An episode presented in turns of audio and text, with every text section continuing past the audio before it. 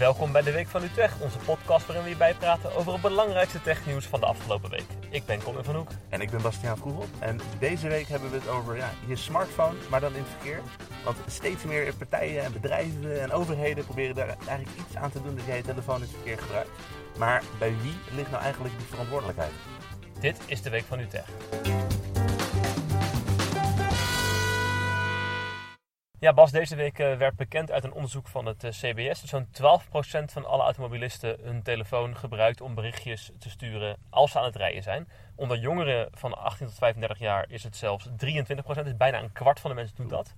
Ehm, ik rij zelf elke, elke dag in de auto eh, naar mijn werk. Zit je de sms ook onderweg? Nou, nee, maar ik heb het wel eens gedaan. Ehm, en, en toen merkte ik eigenlijk dat het me zo erg afleidde dat ik echt niet meer doe nu. Zelfs als ik zeg maar, Google Maps op mijn telefoon heb staan, eh, gewoon qua navigatie, ik moet dan de route iets wijzigen en dan moet je drie knopjes voor indrukken. Dan merk ik al dat ik langzamer ga rijden of niet meer goed op mijn baan let.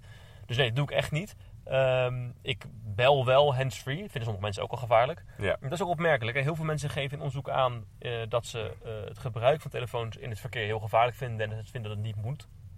En tegelijkertijd gebruikt dus een aanzienlijk deel van de mensen wel hun telefoon in het verkeer. Dus het is een beetje tegenstrijdig. Ja, het is inderdaad, wat is de definitie van, eh, gebruik ik mijn telefoon als ik actief naar mijn scherm zit te kijken en op mijn touchscreen zit te rammen? Of gebruik ik het ook als ik hem, in feite ben je ook eh, met je telefoon bezig als je Spotify aan het streamen bent naar je autoradio zou je zeggen. Ja, precies. Als je dan gaat zappen tussen playlists of andere Ja. nummers of zo.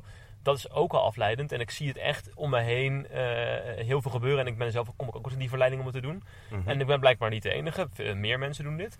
Ehm, en de vraag is natuurlijk, wat kan je hier nou aan doen? Want het is gevaarlijk, dat vinden we allemaal. En vorig jaar is er al eens een keer door minister Schultz, eh, Verhagen, eh, Schultz van Hagen geroepen dat eh smartphonegebruik in, op de fiets verboden zou moeten worden. En toen Ja. was iedereen het, want ook heel veel mensen waren het er eigenlijk mee eens. Alleen toch wordt het elke keer niet opgelost. En nu kwamen er deze week eigenlijk twee alternatieven, of twee oplossingen naar buiten die het zouden eh, kunnen verhelpen. Ja, in één keer hè. Het is, eh, nou, de, eerste was een app eh, van Samsung voor op je telefoon. En het idee van die, die app is, je zet hem aan als je in de, in, bijvoorbeeld in de auto zit.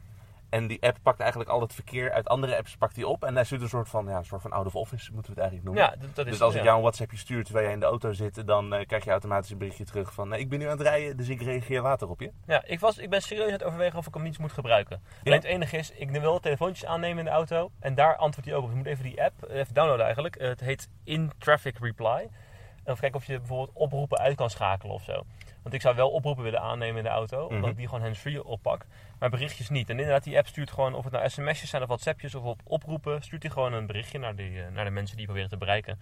En eh, jij krijgt ook de melding niet meer. Dat is natuurlijk belangrijk. Dat je niet in de verleiding komt Nee, precies. om te antwoorden. Die toestel staat ook op niet storen, zeg maar. Maar dat vind ik wel het rare eraan. Want telefoons hebben al heel lang gewoon een niet storen functie. Die kun je nu eigenlijk al in de auto gebruiken. Ja. Het, voor, eh, het voornaamste nieuwe van deze app is dat hij dus zo'n soort van eh, afwezigheidsreactie stuurt. Maar Ja. zijn, dan zijn we dus kennelijk ook op het punt dat dat halve uurtje dat je eventjes naar werk zit te rijden. Maar ik denk dat het dan echt zo is. vinden- vinden mensen het vervelend dat je niet aan het reageren bent. Maar denk je niet dat het inderdaad echt zo werkt? Dat je niet het vervelend vindt? Ik merk het namelijk aan mezelf als ik dan net in de auto zit en eh, mijn baas stuurt net een berichtje of mijn vriendin belt me of ik zie dat de winkel ook iets besteld Ja, heeft belt. Dan denk ik, oh shit, ik wil eigenlijk nu reageren. Moet ik een half uur wachten? Dat voelt dan lang. Is natuurlijk onzin. Want als, je, als ik aan het hardlopen ben, dan heb ik mijn telefoon ook op stil en dan merk ik het niet eens. En als je in een bespreking zit die een uur duurt, dan ga je ook niet ineens toch reageren op een telefoontje. Dus, maar toch, mij gaat ook een soort signaaltje in mijn hersenen af. Dat ik denk, oh, ik moet nu reageren. En ik denk Maar- dat meer mensen ah, dat hebben. Dus het is meer voor jezelf inderdaad. Dat je weet van die het. persoon weet dat ik nu niet kan reageren. Er is automatisch wat gestuurd, dus ik heb gemoedsrust. In plaats van dat het voor die persoon is die ongeduldig is. Ik denk het ja. En je geeft natuurlijk wel jezelf eh, de verplichting om als je uit de auto bent dan reageren. Want mensen weten dan dat je op een gegeven moment toch een keer klaar met rijden. Maar dus je kan ze niet meer negeren daarna. maar net een app van Samsung die dit, eh, die dit eigenlijk op eigen houtje heeft, ehm, heeft besloten te gaan doen. En daar kwam nog een opvallend nieuwtje van Gazelle naar buiten eh, deze week. Zij zijn aan het testen met een fiets die je smartphone blokkeert. Dus Ja. als je op de fiets zit, kan je je telefoon niet gebruiken. Dat komt omdat die fiets heeft een soort apparaatje in het frame zitten.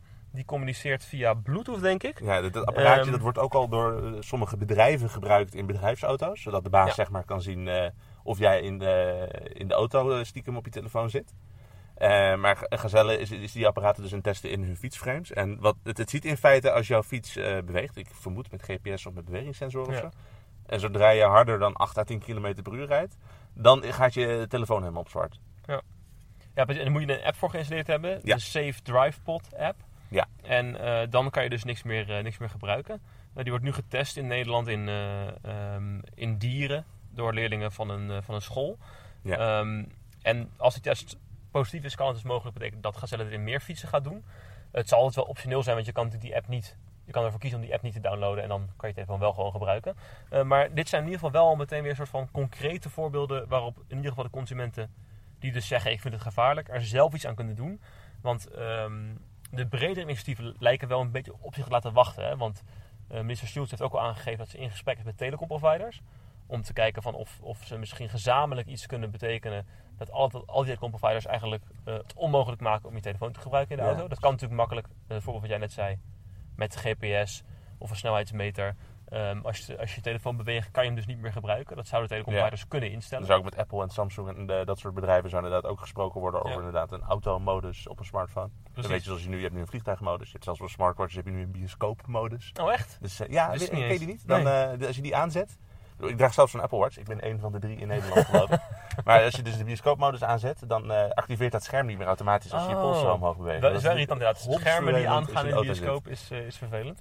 Ehm, maar dat zijn hele brede initiatieven die er lang op zich laten wachten natuurlijk. Mhm. Eh, dus, maar er zijn nu al mogelijkheden om zelf dingen te doen. Dus eigenlijk is het soort van een beetje onnodig om, eh, eh, om te zeggen... oh, ik vind het gevaarlijk, maar ik doe het toch. Daar heb je dus eigenlijk geen excuus meer voor. Ja, maar dat had je hiervoor eigenlijk natuurlijk ook niet. Nee, hè? Ik dat is bedoel, helemaal waar. Leuk dat jij voor dat prikkeltje in je hersenen nu een Samsung-app hebt om te zorgen dat je toch een soort van gemoedsrust hebt. Ja. Maar als jij je telefoon al vanaf het begin op niet storen had gezet, had je ook niet gezien dat je een berichtje had, was het ook allemaal goed gekomen. Het is een beetje. eh, Het risico is wel dat zeg maar een beetje de verantwoordelijkheid wordt verplaatst. Dan stel je voor, je hebt nu bijvoorbeeld zo'n fiets van Gazelle, er zit zo'n safe drive pot in.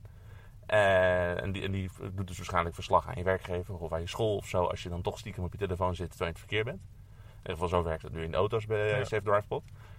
Zijn, ben je dan niet een paar, één of twee stappen ervan verwijderd om dan gewoon maar de schuld te geven aan de fiets als jij toch op je telefoon hebt gezeten dat Nee, je toch precies. een berichtje hebt binnengekregen? Terwijl Ja.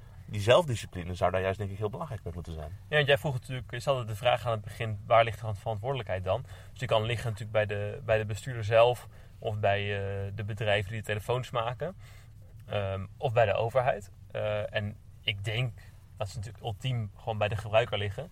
Maar dat gebruikers blijkbaar niet genoeg zelf doen om dit te voorkomen. En dat de minister eh, natuurlijk ziet van oké, eh, eh, de verkeersdoden nemen niet meer af. Na jaren van afname stagneert het of stijgt het weer licht. Het aantal ongelukken stijgt, het aantal ongelukken met fietsers stijgt weer licht. Ehm, Ja, en dus er wordt wel ook gezegd, de smartphone is dan de oorzaak, is daar de oorzaak van. Ja. Dat weten we natuurlijk niet. Nee. Want er, zijn geen, er worden geen cijfers bijgehouden eh, over welke oor- ongelukken wel en niet door smartphones veroorzaakt worden. Maar het is, een, a- het is natuurlijk een aanname dat het daardoor gebeurt. Maar ik denk dat je wel met enige zekerheid kan zeggen dat het smartphone gebruik in het verkeer is toegenomen de afgelopen tien jaar. Want tien jaar geleden wel, hadden we niet echt smartphones. Er wordt natuurlijk wel onderzoek gedaan door allemaal instanties naar of het mogelijk de smartphone is. Maar eigenlijk al die bedrijven zeggen ook van ja, telefoongebruik in de auto is wel, kan een factor zijn. Maar, zijn. maar waar we het net al over hadden, over dat ja, telefoongebruik in de auto kan ook handsfree bellen zijn. Het kan Ja. ook navigatie aan hebben zijn. Het kan muziek streamen zijn naar je autoradio. Omdat die eh, definitie zo breed is, is Ja. het ook heel moeilijk om in een onderzoek kennelijk vast te leggen of dat inderdaad een grote, eh, grote oorzaak is bij het aantal verkeersdoden. Nee, daar heb ook helemaal gelijk in. En, en eigenlijk is natuurlijk het feit dat we hier al tien minuten over aan het lullen zijn, natuurlijk onzin. Ehm, want als we het blijkbaar met z'n allen zo gevaarlijk vinden, dan moeten we er dus mee ophouden. Ehm, Maar dat doen we kennelijk niet. En dat doen we kennelijk niet. En dat, dat is natuurlijk wel interessant, want dat komt natuurlijk gewoon eh, ehm, door omdat we zo verslaafd zijn geraakt aan onze telefoons. En dat is natuurlijk wat alle. Wat was laatst weer iemand die daar ook zo, eh, die daar ook vrij zuur over was. Oh, Sonja Barend, geloof ik. Die, eh, dat ze dan zei dan als ze, als ze nu rond zich, om zich heen kijkt, ziet ze iedereen in de telefoon zitten en dan denkt ze, waar zijn we, zijn we nou allemaal mee bezig? En dat heb ik dan niet. Ik denk ja, als mensen daar allemaal goede stukken op lezen of hebben met hun vrienden of leuke video's kijken, is het toch allemaal prima. Maar in het verkeer niet. Maar dat is natuurlijk. We, zijn ook, we hebben ook nooit de krant gelezen in het verkeer. Nee, precies. Het is natuurlijk ook iets waar techbedrijven zelf ook al, voor, zelfs voordat dit hele gebeuren de afgelopen weken eh, plaatsvond, al heel veel mee bezig zijn geweest. hè. Ik bedoel, kijk naar eh, Apple heeft zijn eigen CarPlay, dus een dashboard systeem. Ja. Eh, Android heeft, of Google heeft Android Auto.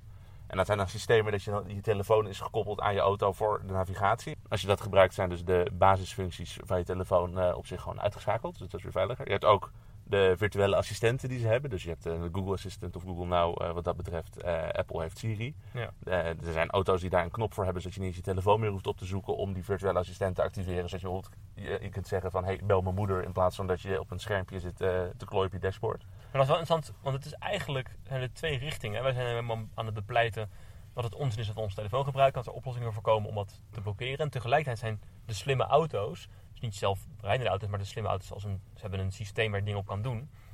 Um, dat kan het ook onveiliger maken. Want natuurlijk Ja. kan je je telefoon niet gebruiken, maar je kan wel op het scherm navigeren. Ehm, er worden berichtjes voorgelezen, die, kan, die luister je dan en dan kan je erop reageren met spraakbesturing. Maar als het nou een keer niet werkt, gebruik je misschien een knop of zo. En, en, en er is ook een hele groep mensen die zeggen of je nou praat of het scherm bestuurt met je vingers. Ehm, het is eigenlijk allebei afleidend en dus onveiliger. En dit soort, eh, dit soort auto's met software van, eh, van Google of van Apple zouden er dan natuurlijk alleen maar voor zorgen dat we meer muziek gaan streamen en meer gaan navigeren en meer gaan bellen en toch sms'jes gaan versturen. Ja, je dan kijkt op een andere niet, maar je manier. bent wel met meerdere dingen bezig inderdaad. Precies. Dus dat is eigenlijk ehm, eh, aan de ene kant omarmen overheden en bedrijven heel erg dit soort nieuwe ontwikkelingen en tegelijkertijd willen ze iets doen aan, de, aan het gebruik van smartphones verkeer. Maar dat zijn voor mij twee tegenstrijdige dingen ehm, waar ik benieuwd van ben hoe ze dit ehm, willen gaan harmoniseren. Want je kan wel met Apple afspreken, oké, jullie telefoons moeten geblokkeerd worden in de auto. Eh, Maar we zitten dan in een auto die, eh, die Apple CarPlay heeft. Ja. Ja, nee precies. En dan heeft Apple iets van, nou prima, maar wij vinden deze functies in de auto wel weer veilig. Ja. En, maar als je het inderdaad in een auto hebt zonder CarPlay en je hebt zo'n eh, bijvoorbeeld een automatische automodus die activeert. Ik denk niet dat het à la vliegtuigmodus zal zijn dat je op een knopje moet drukken. Ik denk dat die net als die, waarschijnlijk zouden ze net als die gazellen fietsen dan moeten kijken, wel je gaat een bepaalde snelheid dus je rijdt. Ja. Maar dan heb je weer de complicatie van misschien zit je in de passagiersstoel. Precies. Misschien zit je in een trein. Misschien eh, ging je heel hard. Je weet het niet. Dus dat zijn dan ook weer allemaal technische lastigheden die het ook weer moeilijk kunnen maken. En eigenlijk blijkt vooral voor mij uit ons, eh, uit ons gesprek dat het dus heel lastig is. Dat ten eerste de verantwoordelijkheid, eh, eh, waar die ligt, maakt niet eens uit. Maar de verantwoordelijkheid moet genomen worden om het op te lossen. En eh, dat wordt nu dan eigenlijk mondjesmaat gedaan door wat bedrijven. Hè. Samsung, Gazelle zijn ermee bezig. En ook door de overheid, maar dat duurt wat lang. Ehm, en tegelijkertijd staan er eigenlijk weer nieuwe dreigingen voor de deur. Zoals de slimme auto's van, van Apple en Google. En zal dit probleem dus waarschijnlijk nog heel lang blijven bestaan. Zolang wij zelf niet het voor elkaar kunnen krijgen om, om alle communicatie te stoppen als we even een half uurtje in de auto zitten. Laten we zelf gewoon lekker op die niet storen knop blijven drukken. En daarmee komen we aan het einde van deze week van Utech. Volgende week zijn we natuurlijk weer terug. En in de tussentijd kan je ons bereiken via tech.nu.nl. Stuur er al je tips, vragen, opmerkingen, complimenten of klachten naartoe. En je kan ons ook altijd blijven volgen de hele week lang via nu.nl slash tech. En op Facebook en Twitter. Tot volgende week. Hoi. Minute.